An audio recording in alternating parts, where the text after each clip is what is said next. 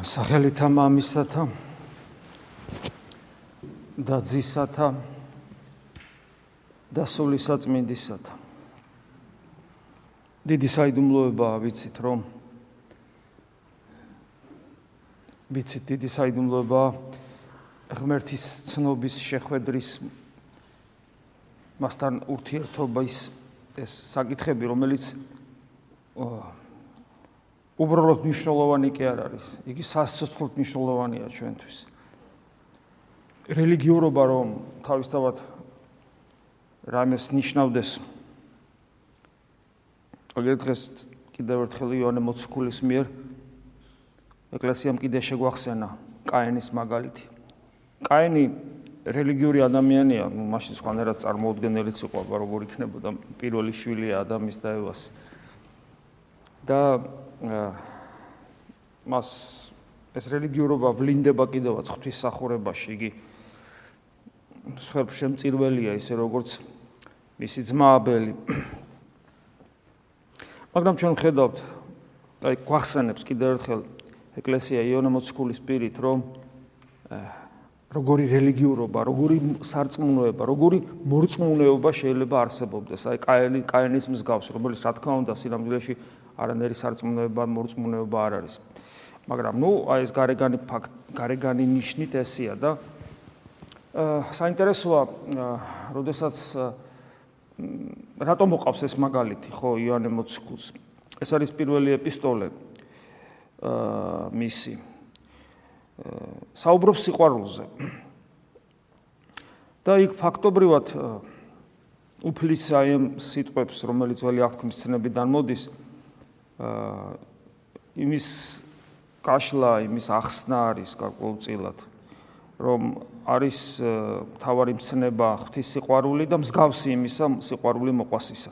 ანუ ეს ორი თანაბრად არსებობს ცალ-ცალკე ერთმანეთისაგან. არ შეიძლება გიყვარდეს ღმერთი და არ გიყვარდეს ადამიანი და არ შეიძლება გიყვარდეს ადამიანი და არ გიყვარდეს ღმერთი, თორსა ჩვენ საუბრობთ სიყვარულის არა ბიოლოგიურ გამოვლინებებზე, ან ან კაენის მსგავს რელიგიურ გამოვლენებებზე, არამედ ნამდვილ წმანაზე და ნამდვილ ნამდვილ ადამიანისადმი ნამდვილ სწორ დამოკიდებულებაზე. და აი აქ სწორედ აი ეს ჩანს, რომ კაენს კაენს სინამდვილეში არც ღმერთი უყვარს, მასთანაც ანგარებიანად არის. და არც ადამიანი არ უყვარს. და ეს ანუ არ გიყვარს ადამიანი, არ გიყვარს ღმერთი, არ გიყვარს ღმერთი, არ გიყვარს ადამიანი. რა თქმა უნდა ახლა ეს სიტყვები მეტნაკლებად ყველამ ვიცით თავისთავად ხარდია ყველა მეთახმებით ამას მაგრამ პრობლემა რაშია რომ აა პრაქტიკაში პრაქტიკაში ნაკლებად ნაკლებად ხვდებით ჩვენ ამას საკუთარ თავზე ჩვენ სულ გვაქვს იმის ილუზია რომ ხლა წმინდანი არა ვარ მაგრამ ატომაც არა მიყვარს ადამიანის და მიყვარს ღმერთის აი ეს არის ის ხიბლის მდგომარეობა ზუსტად რომელიც განაპირობებს ჩვენი მხრიდან შეუძლებლობას ქრისტეს ცნობელობის. ამას ემატება ის, რომ ჩვენ შეიძლება გქონდეს გარკვეული ცოდნა. ცოდნა საფრთხისმოწყალო საკითხებში. ჩვენ ესე იგი რელიგიურობა გვაქვს, იმიტომ რომ ჩვენ ვიცით რომ უნდა რაღაცები ჩვენი საკეთებელია. სხვანაირად უბრალოდ ვერ იქნები ქრისტიანი და ეს ღვაწლს უკავშირდება ლოცვა ზღვაწლია, მარხვა ზღვაწლია, ტაძარში დგომა ზღვაწლია, დილასა დგომა ზღვაწლია, ღამე წამოდგომა ზღვაწლია, ქრისტეს მცნებების აღსრულებაც, ანუ ამით უფლის ერთგულება ზღვაწლია. ყველაფერი ზღვაწლია. საკუთარ თავს ვაიძულებ, რაღაც ეგოიზმს ვებძვით, ანგარებას ვებძვით. უამრავი რამეა, ხო, ადამიანში, რასაც ჩვენ აბა სხვანაირად უბრალოდ ვერ იქნები ქრისტიანი. ხო, არ შეიძლება, ხო, თან ქრისტიანი გერქვას, თან ბრუშობდე, თან ნარკომანობდე და ასე შემდეგ. ჩხუბობდე, ყვიროდე, ღრიალებდე, იპარავდე. ну არ გამოვა ეს. აა თრებოდე და ასე შემდეგ. ანუ შენ სხვა გზა არა გაქვს თუ არა ის რომ საკუთარი თავი ალაგმო, ეს უკვე გვაწლია. და მე რა ხა თუ არ ლოცულობ, თუ წირვაზე არ მოდიხარ და ასე შემდეგ. რელიგიური ცხოვრება გვაქვს. რა თქმა უნდა. და რა შეიძლება ადამიანისადმი დამოკიდებულებას, ნუ აქვს სულ გვაქვს ილუზია, რომ ჩვენ სიყვარული შეგვიძლია და თუ სადღაც დეფიციტია, იმიტომ რომ ეს ადამიანები ჩვენთან ყველანი ტყუიან. და შესაბამისად ჩვენ ვიმყოფებით ხიბლის მდგომარეობაში. იმიტომ თეორიულად ჩვენ ვეთანხმებით იმას, რომ თავარი არის ღვთისა და ადამიანის სიყვარული და ადამიანს ახლა ეს არც ერთი აქ და არც მეორე, ზოგადად, მაგრამ საკუთარ თავის მიმართებაში ჩვენ თლათ ასე წყალწაღებულად თავს არ გვძნობთ.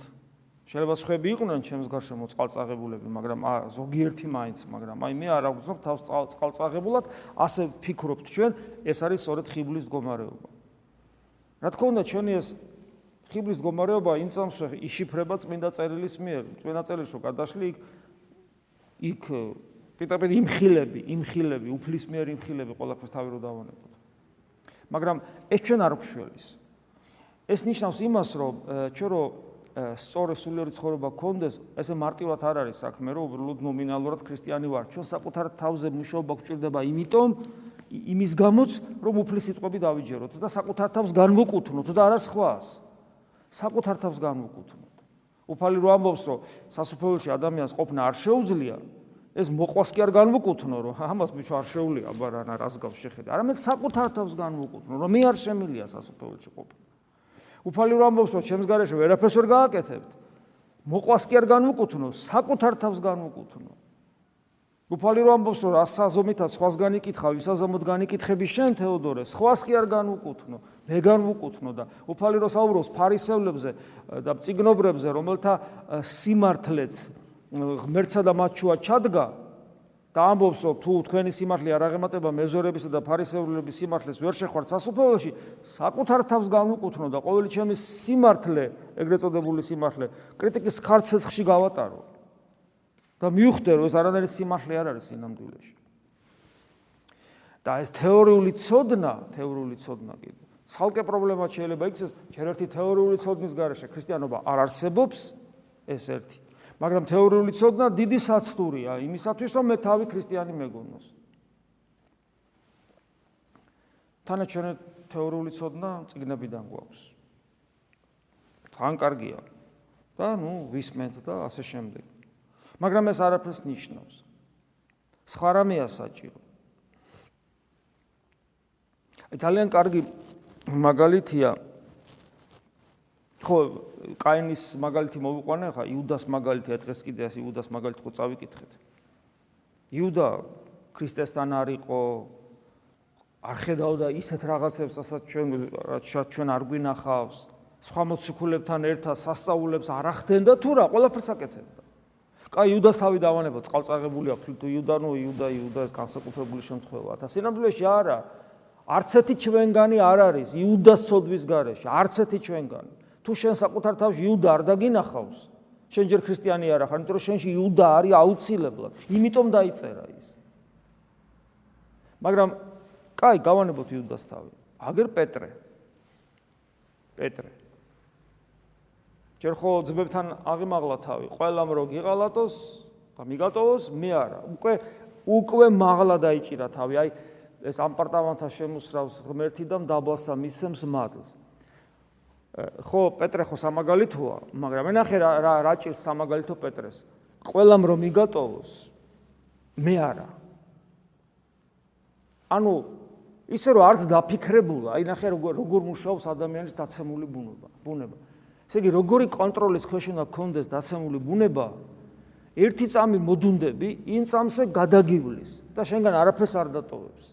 ესე იგი, წარმოიდგინეთ, ხო, მართლა უყარს უფალი პეტრეს და როგორი ერთგულია, ყველაფერი დატოვა ხო პეტრემ და უფალს შეუდგა, ხო? მიუხედავად ცოლიანი იყო და მით უმეტეს მისთვის ძნელი იქნებოდა, ხო? ხა იოანეს და იაკობმა მამა დატოვეს მოხუციდან, ნუ დედა და რა ხა მოხუცი მაშინ არც ადრე ქორწინდებოდნენ, მოხუცები არც იქნებოდნენ ძალიან. მაგრამ ამას ოჯახი ყავს, წარმოგიდგენიათ რა რთულია მისთვის. როგორი ერთგულია უფლისა. მართლაც აი ბოლომდე ერთგული, ხო? მაგრამ აი ნახეთ, საკმარისია თავისთავი არ გააკონტროლა და ისე რომ ვერც კი მიხვდა, ვერც კი მიხვდა, უმძიმეს სოდვას ჩავარდა. ეს იყო ძმების უსიყვარულობა, ამპარტავნება და საკუთარ თავზე განსაკუთრებული წარმოდგენა. ყველამ რომ მიგატოვოს, მე არ მიგატოვო. კაცი ცოდვაში ისე ჩავარდა, ვერც კი მიხვდა ამას. თორე ისაც მაგას მიმხვდარიყო. იმ წამსო დაემხებ დაემხობოდა. აი როგორც უფალი რო პირ სასწაულს მოუხდეს პირველად თევზებთან დაკავშირებით იქ იმ წამსე მე მაშინ ანგარება კი არ ჩდება. რომ მოდი რა უფალო კი ხშირად დამაჭერინეს თევზები რა კაი მეგობარი შეგიძლია და გამდიდრდები ანგარება კი არ ჩდება როგორი სუფთაა პეტრე.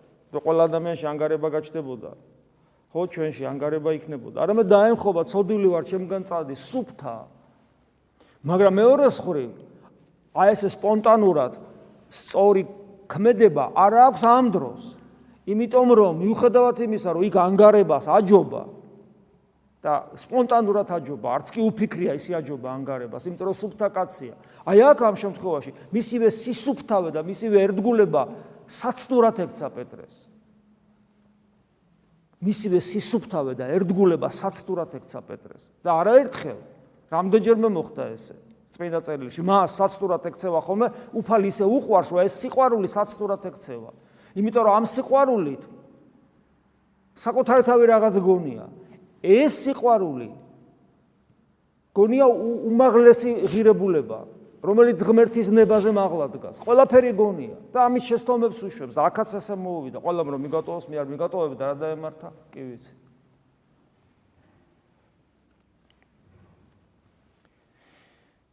ასე რომ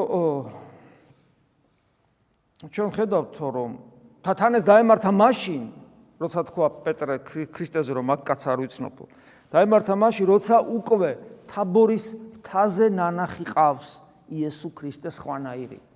ხვანაირი. როგორ თაბორის თის მერე ფერისვალების მერე როგორ უნდა ეთქვა რომ ეცად სიტყვა კაც მაგ კაც არ ვიცნობ ეს როგორ უნდა ეთქვა რომ თქვა რატომ მოხდა ეს? იმიტომ რომ აი თავი რო აიმაღლა და თავის დაცემულ ბუნებას გასახანი ისე მისცა რომ ვერც კი მიხვდა რა ცოდვაში აღმოჩნდა. ვერც კი მიხვდა ამან განაპირობა ის რომ მადლი დაკარგა მაგრამ მას მანამდეც ჰქონდა გამოცდის საშუალება. აი მაგალითად გონზე რომ მოსულიყო ამის შესაძლებლობა მანამდეც ჰქონდა. თავი ხო აიმაღლა სხვა ძმებთან შედარებით ყველამ რომ მიგატოვოს მე არ მიგატოვებ მე ხო გეციმანის ბაღში ხო უბრალოდ მღვდელთაურის ეზოში ხო მოხდა ის რომ მაგ კაც არ ვიცნობო თქვა და შუაში რა არის? შუაში არის დღეს წავიკითხეთ.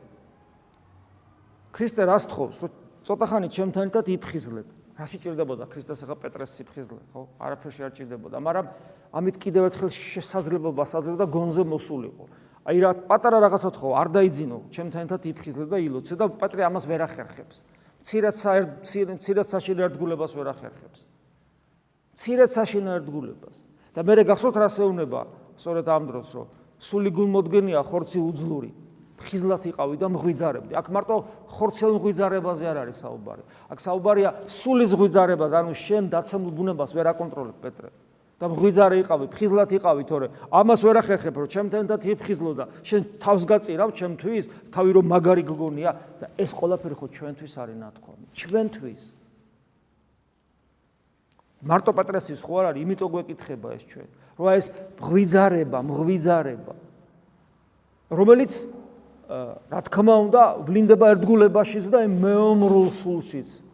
ღამე ღამე რო ადამიანი წამოდგება ქრისტესათვის.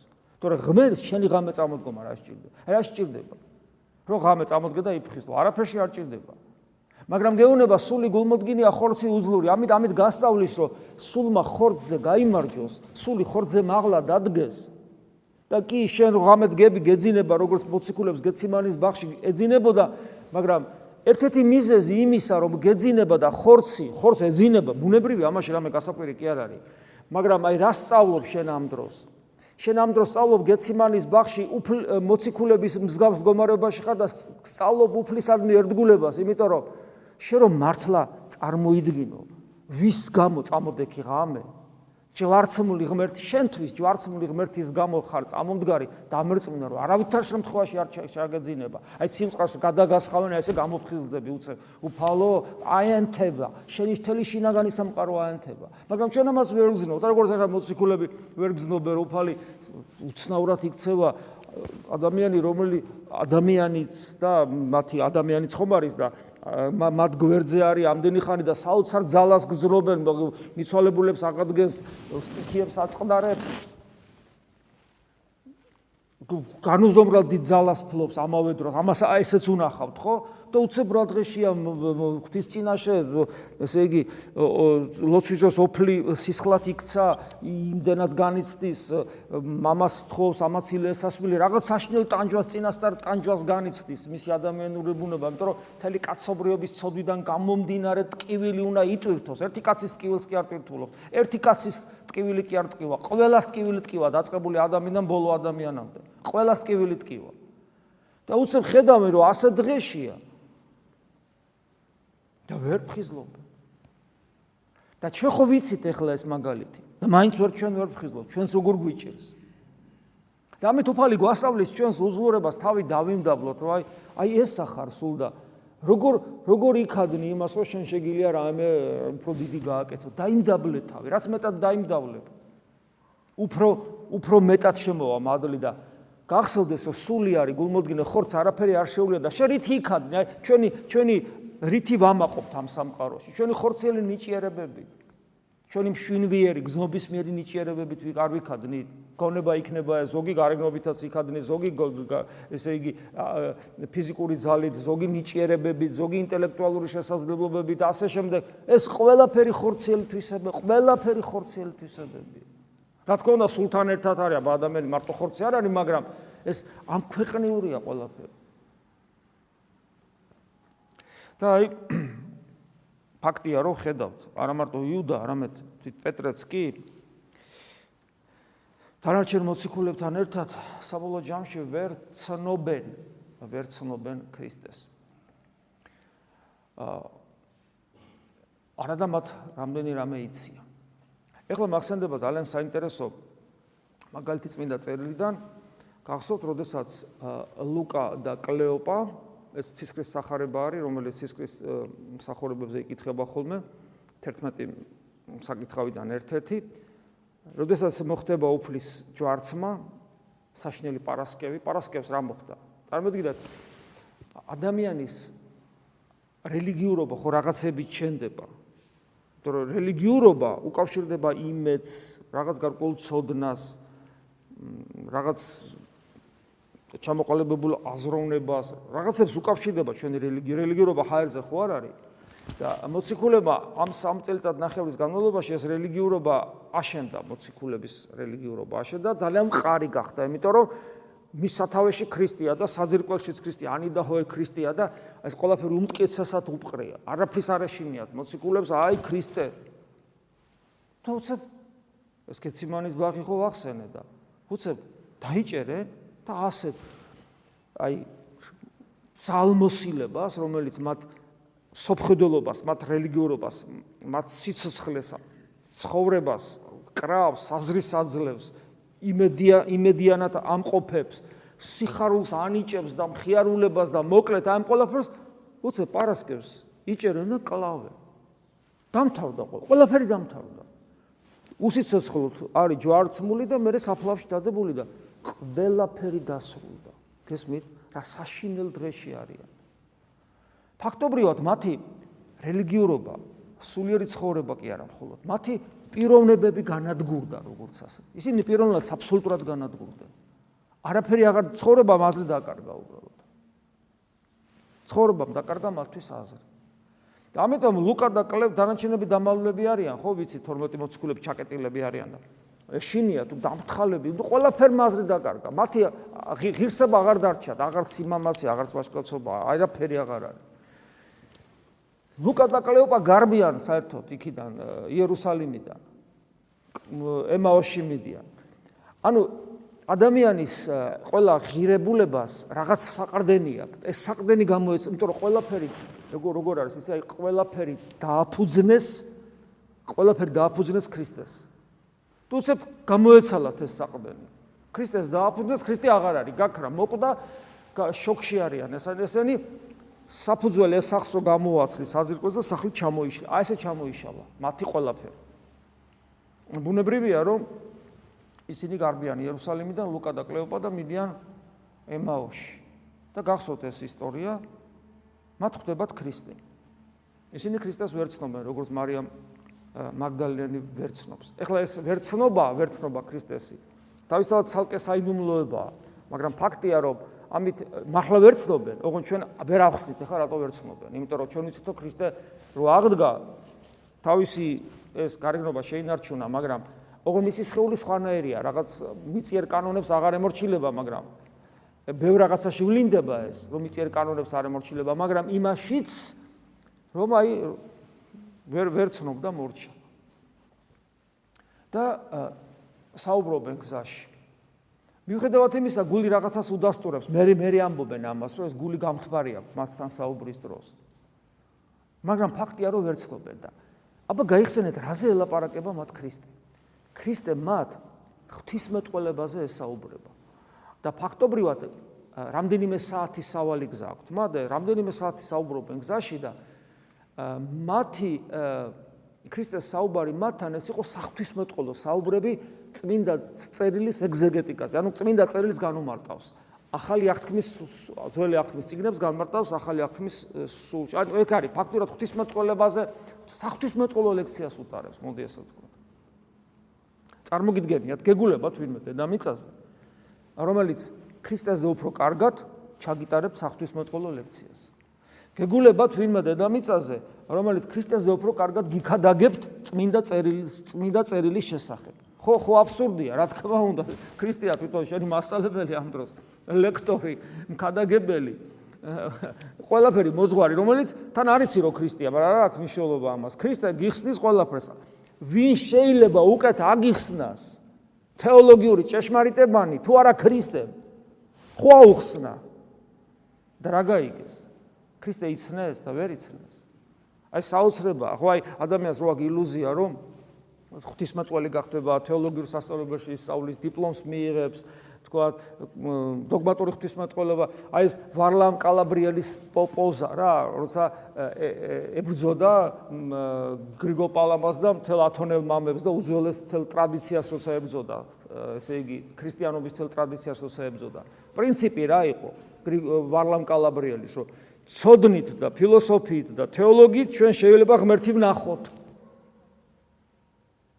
ღმერთი ვნახოთ და აჰა ღმერთ თვითონ ქრისტე ასწავლის, ქრისტესე კარგად ვინ გასწავლის და ვერ ხედავენ ქრისტეს, ვერ ცნობენ ქრისტეს. ეს ძალიან მნიშვნელოვანია ჩვენთვის.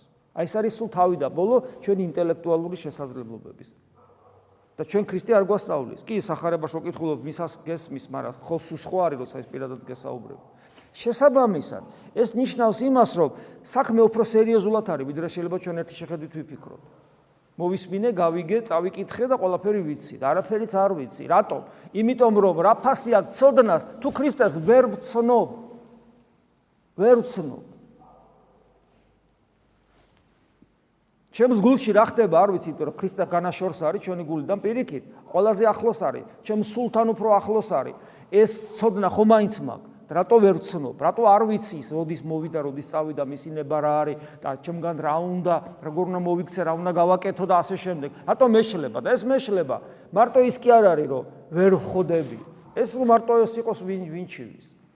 ეშმაკი ხო შორს არ არის. ქრისტეს ადგილს ეშმაკი იკავებს და ის მეუბნება რა გავაკეთო. და ძალიან ხშირად ადამიანის ნება ემორჩილება დემონურ ნებას და არახთისნებას და ადამიანი ცხოვრობს ქრისტიანულად, გარეგნულად. გონია რომ ქრისტიანია და სინამდვილეში ეშმაკის მიმდევარია, ისე რომ არც კი იცის, ისე როგორც პეტრე იყო ეშმაკის ნების გამტარებელი, მაშინ როცა ეგონა რომ სიკეთეს აკეთებდა და როცა უთხრა უფალმა პირდაპირ რომ განვე ჩემგან სატანა. გესმით, რა სერიოზული პრობლემის წინაშე ვდგებით თუ ჩვენ ქრისტეს ვერ ვცნობთ? მაშინ ეშმაკის ნების აღსრულებელი ხდებით. გინდა არ გინდა, საკუთარი ნებასაც რო ხედავდა მხოლოდ თითქოს. აი, კიდევ ერთხელ აი ეს კონსპირაციულ თეორიებს მიუბრუნდები ამ შემთხვევაში, როდესაც ჩვენ ვამბობთ, რომ ჩვენ არ გვაინტერესებს არანაირი თეორია, ამაზე ზოგი გიждდება, როგორ არ გაინტერესებს, როგორ შეიძლება ქრისტიანს ეს არ აინტერესებდეს და არ მაინტერესებს. მე მხოლოდ ღვთის ნება მაინტერესებს, მხოლოდ იესო ქრისტე მაინტერესებს, იმიტომ რომ თუ იესო ქრისტე ვერ გავიცანი მე ცხოვრებაში და თუ არ მეწოდინება, ჩემს გულს არ ქრება გამოცდილება მასთან ურთიერთობისა და მისი ნების შემეცნებისა ჩემში. ვერავითარ შემთხვევაში ვერ ვიცნობ ანტიქრისტეს. იმიტომ რომ ის სულელი კი არ იქნება. ის აცდუნებს თელ სამყაროს, მათ შორის ქრისტიანებს. სწორედ იმით, რომ ქრისტეს ვერ მცნობელი ადამიანები ჩათვლიან მის სიტყვას ჭეშმარიტებად. და ვერანაირად ვერ დააღწევ თავს მის საცეცებისაგან. აბსოლუტურად გამორიცხული. და ეს მუდამ მუდამ ხდება ჩვენში ეს, მუდამ. და აი, როდესაც ისინი მიდიან და ვერ ცნობენ ქრისტეს, ვერ ცნობენ. მე როგორ ხდება მათ მიერ ქრისტეს დანახვა? ვერ ვერ დაინახეს ქრისტე, ვერა, ვერა. როგორ როგორ დაინახეს მე? ისინი ავლენენ მისდამის სიყვარულს. ის უცხო ადამიანია. უცხო ადამიანი დაემგზავრა და მე ის თავის გზაზე უნდა წავიდეს, ჩემ გზაზე უნდა წავიდე. ეხლა ეუნება და ისინი არავითარ შემთხვევაში არ გაუშვებენ და ნახეთ რა დატო არ გაუშვებენ ასეუნებიან. ეხლა უკვე დაღამდება მალე. და სად უნდა წახვიდე? ღამე მარტო, ჩვენ ორი ვართ ქე მაინც. არავითარ შემთხვევაში, ანუ იზრუნებენ, უცხო ადამიანზე გამოვლენენ ზრუნვას და აი აქაც ერთას მე თავიდან დავიწყე. ღვთის სიყვარული და ადამიანის სიყვარული თუ ერთ ერთად არ დგას, არც ერთი გაგდა არც მეორე, ორივე უნდა კონდეს. ღვთის სიყვარულის და ადამიანის სიყვარულის. რაც კაენის შემთხვევაში, როგორც იონე მოციქულის მაგალითზე ვნახეთ, კაენთან ეს არ არის, არც ადამიანი უყვარს, არც ღმერთი არ უყვარს, არც ღმერთი არ უყვარს, არც ადამიანი არ უყვარს, ეს ერთ და იგივეა და აი ამ შემთხვევაში მოციქულები, რომლებიც აი ესე დაბნევლები არიან, გაუბედურებულები არიან, ასე შემდეგ ლუკა და კლეოპა ნახეთ როგორი სიყვარული აქვს ადამიანისა, ვიღაცა უცხო ადამიანი, რომელიც შემთხვევით დაემგზავრა, გარკვეულ საკითხებზე ისაუბროს, თავის გზაზე მიდის, არავითარ შემთხვევაში არ გაუშვეს, мотиваცია არის, რომ ღამია და ნუ ღამე ხა მოგეხსენებათ საშიში იყო. 1000 ავასაკი და ის დაწოდა გარეთ. გამოიჩინეს კაცთა მოყარება, არ გაუშვეს და შემოიყვანეს, სადაც თვითონ გაათენეს ღანე და სუფრაც გაუშალეს და სუფრაზეც დაждდა. ადამიანისადმი სიყვარული გამოავლინეს, აი მე უკვე უფალი მათ ხედავ გახსოვთ ეს ადგილი აზიარებს, ანუ პულს განტეხავს, ეს პულის განტეხავ და პულს მისცემს. ეს ნიშნავდა, როგორც მამები განმარტავენ, რომ კიდევ ერთხელ აზიარა საიდუმლო სერობის მერე. აი როგორც კი აზიარა საიდუმლოება მოხდა, იმ წამსვე მათ სულიერი თვალი აეხილა და ქრისტე იცნეს. და მე ქრისტე ქრება მათგან და მე ისინი მოდიან იერუსალიმში ბრუნდებიან და ესე იგი იმისათვის რომ ქრისტე ეცნოთ არ აღმოჩნდა საკმარისი თეორიული ცოდნა და არც წარსულის გამოცდილება. უმნიშვნელოვანესი იყო ორი რამ. პირველი, ესე იგი, საიდუმლოებასთან ზიარება და დღეს ჩვენ აღმოვიკითხეთ, როგორ აწესებს კიდევ ერთხელ მარკოს სახარებაში, როგორ აწესებს უფალი ზიარების საიდუმლოებას, რომ მიიღეთ ეს არის ხორცი ჩემი და ეს არის სისხლი ჩემი და ეს რომ ნამდვილად საიდუმლოება, ანუ ნამდვილად ხორცი და სისხლია, ანუ ეს არის ქრისტიანული მისტიკა, რომლის გარშეც ქრისტიანობა არ არსებობს. არ არსებობს ჩვენ აქ რომ ვართ აქ ვართ მხოლოდ და მხოლოდ იმისათვის რომ ქრისტეს შეუერთდე და ვეზიაროთ და ქრისტეს შემეცნება ინტელექტუალურად შეუძლებელია უბრალოდ. თლიანი არსებით უნდა შევიმოწმოთ ჩვენ რომ ვეზიარებით ზიარების მადლი კუჩში უკაცრავად კი არ ჩადის. ზიარების მადლი ანუ ადამიანი რო ეზიარება თუ სწორად ეზიარება ის გულით ჭამს ამას გული გძნობს ამას. გული არის მიმღები აი ამ საიდუმლოებისა და ოღონ ეს ეს რა თქმა უნდა მისტიკაა, მაგრამ განცდა აქვს გულს, გული, გულია მთავარი აქვს და გულში არ გულისხმობ ამ ანატომიურ გულს. გულში გულისხმობ ადამიანის სულიერი ცხოვრების ცენტრს, რომელიც დაახლოებით ემთხვევა, ბოლომდე არც ემთხვევა გულის ზედანაწილი. ეს და ესე იგი აი ეს საიდუმლოება, საიდუმლოება ახსულდა მათ დაინახეს ქრისტე, მაგრამ ქრისტე მიეფარა. ანუ როცა მე საიდუმლოების საშუალებით ღმერთს ვეძებ და ამით ვერ დგულებ უფალს, ეს არ ნიშნავს, რომ გარანტირებულად ჩემთან არის. მე უფალი უფლის განცდა მოდის და უფალი მე მიდის ისევ ჩემ და მე რასაკეთებენ? მიუხედავად იმისა, რომ ღამეა და უკვე დაღამდა და ღამესიარული საშიში იყო, არ ჩერდებიან იქ, ეგრევე სასახარებაში კითხულობთ, მოტრიალდებიან და მიდიან ისევ იერუსალიმში. ამდენი იარეს და ისე უკან მოbrunდნენ იერუსალიმში წამოვიდნენ. მიუხედავად იმისა, რომ დაღამებული იყო და მგზავრობა არ იყო უსაფრთხო. რატო? ამით მე ჯერ თვითონ ან როგორ გაჩერდებოდნენ? იმიტომ რომ იქ ყველაფერი სადაც რაც მიატოვეს, რაც მიატოვეს, ისე ვიგბრუნდებიან, იმიტომ რომ მიხვდნენ, რომ რაღაც დიადი მოხდა. გესმით? აღარ არის საშიში, დიადი მოხდა, საშიში რა გაგებით? იმ გაგებით, რომ ყველაფერი წინ არის ჯერ კიდევ, უფალი ნახეს, ყდეთით აღმდგარი. ეს არის სიმბოლო, იერუსალიმის სიმბოლოა გულისა. ესე იგი იმისათვის რომ მე ქრისტეს შევხვდე, არ არის საკმარისი ქრისტეზე საუბარი. აუცილებელია ქრისტეს უნდა შევხვდე ამისათვის აუცილებელია საიდუმლოება ამ შემთხვევაში ევქარისტიული წირვა. მანამდე მოყვასისადმი სიყვარულის გამოვლინება და მესამე საკუთარ გულში დაბრუნება. ანუ ისიქასტური პრაქტიკა გონიერი ლოცვა. ესე იგი ნახეთ სადაც არ უნდა წავიდე და როგორც არ უნდა შევხედო წმინდა წერილს ის მიგვანიშნებს საიდუმლოებაზე, მოყვასის სიყვარულზე და ლოცვის პრაქტიკაზე, რომლის გარეშეც ქრისტიანობა უბრალოდ არ არსებობს. შეგვეციო სუფალი და მოგცეს ის სიბზნე და ის უნარის და ის ის ის წყურვილიც და გონიერებაც და ბძოლის უნარი კიდევ ერთხელ ვამბობ რომ ეს ყველაფერი ჩვენში რეალიზდეს და ღმერთმა დაგვიფაროს რომ ან საკუთარი სიმართლით, ან საკუთარი რელიგიურობით და ან საკუთარი მოყვასისადმი ვითომ სიყვარულით მოვიხიბლოთ. ჩვენ ეს არაფერი გვაქვს, ჩვენ ეს ყველაფერი უნდა შევიძინოთ. შევიძინოთ უფლისადმი ერთგულებით, მოყვასისადმი სიყვარულის სწავლით, ევქარისტიული ცხოვრებით და სწორი ლოცვით. მადლი უფლისა ჩვენისა იესო ქრისტესი და სიყვარული ღვთისა და მამისა და ზიარება სული საწმინდისა იყოს თქვენ ყოველთა თანა. ამინ.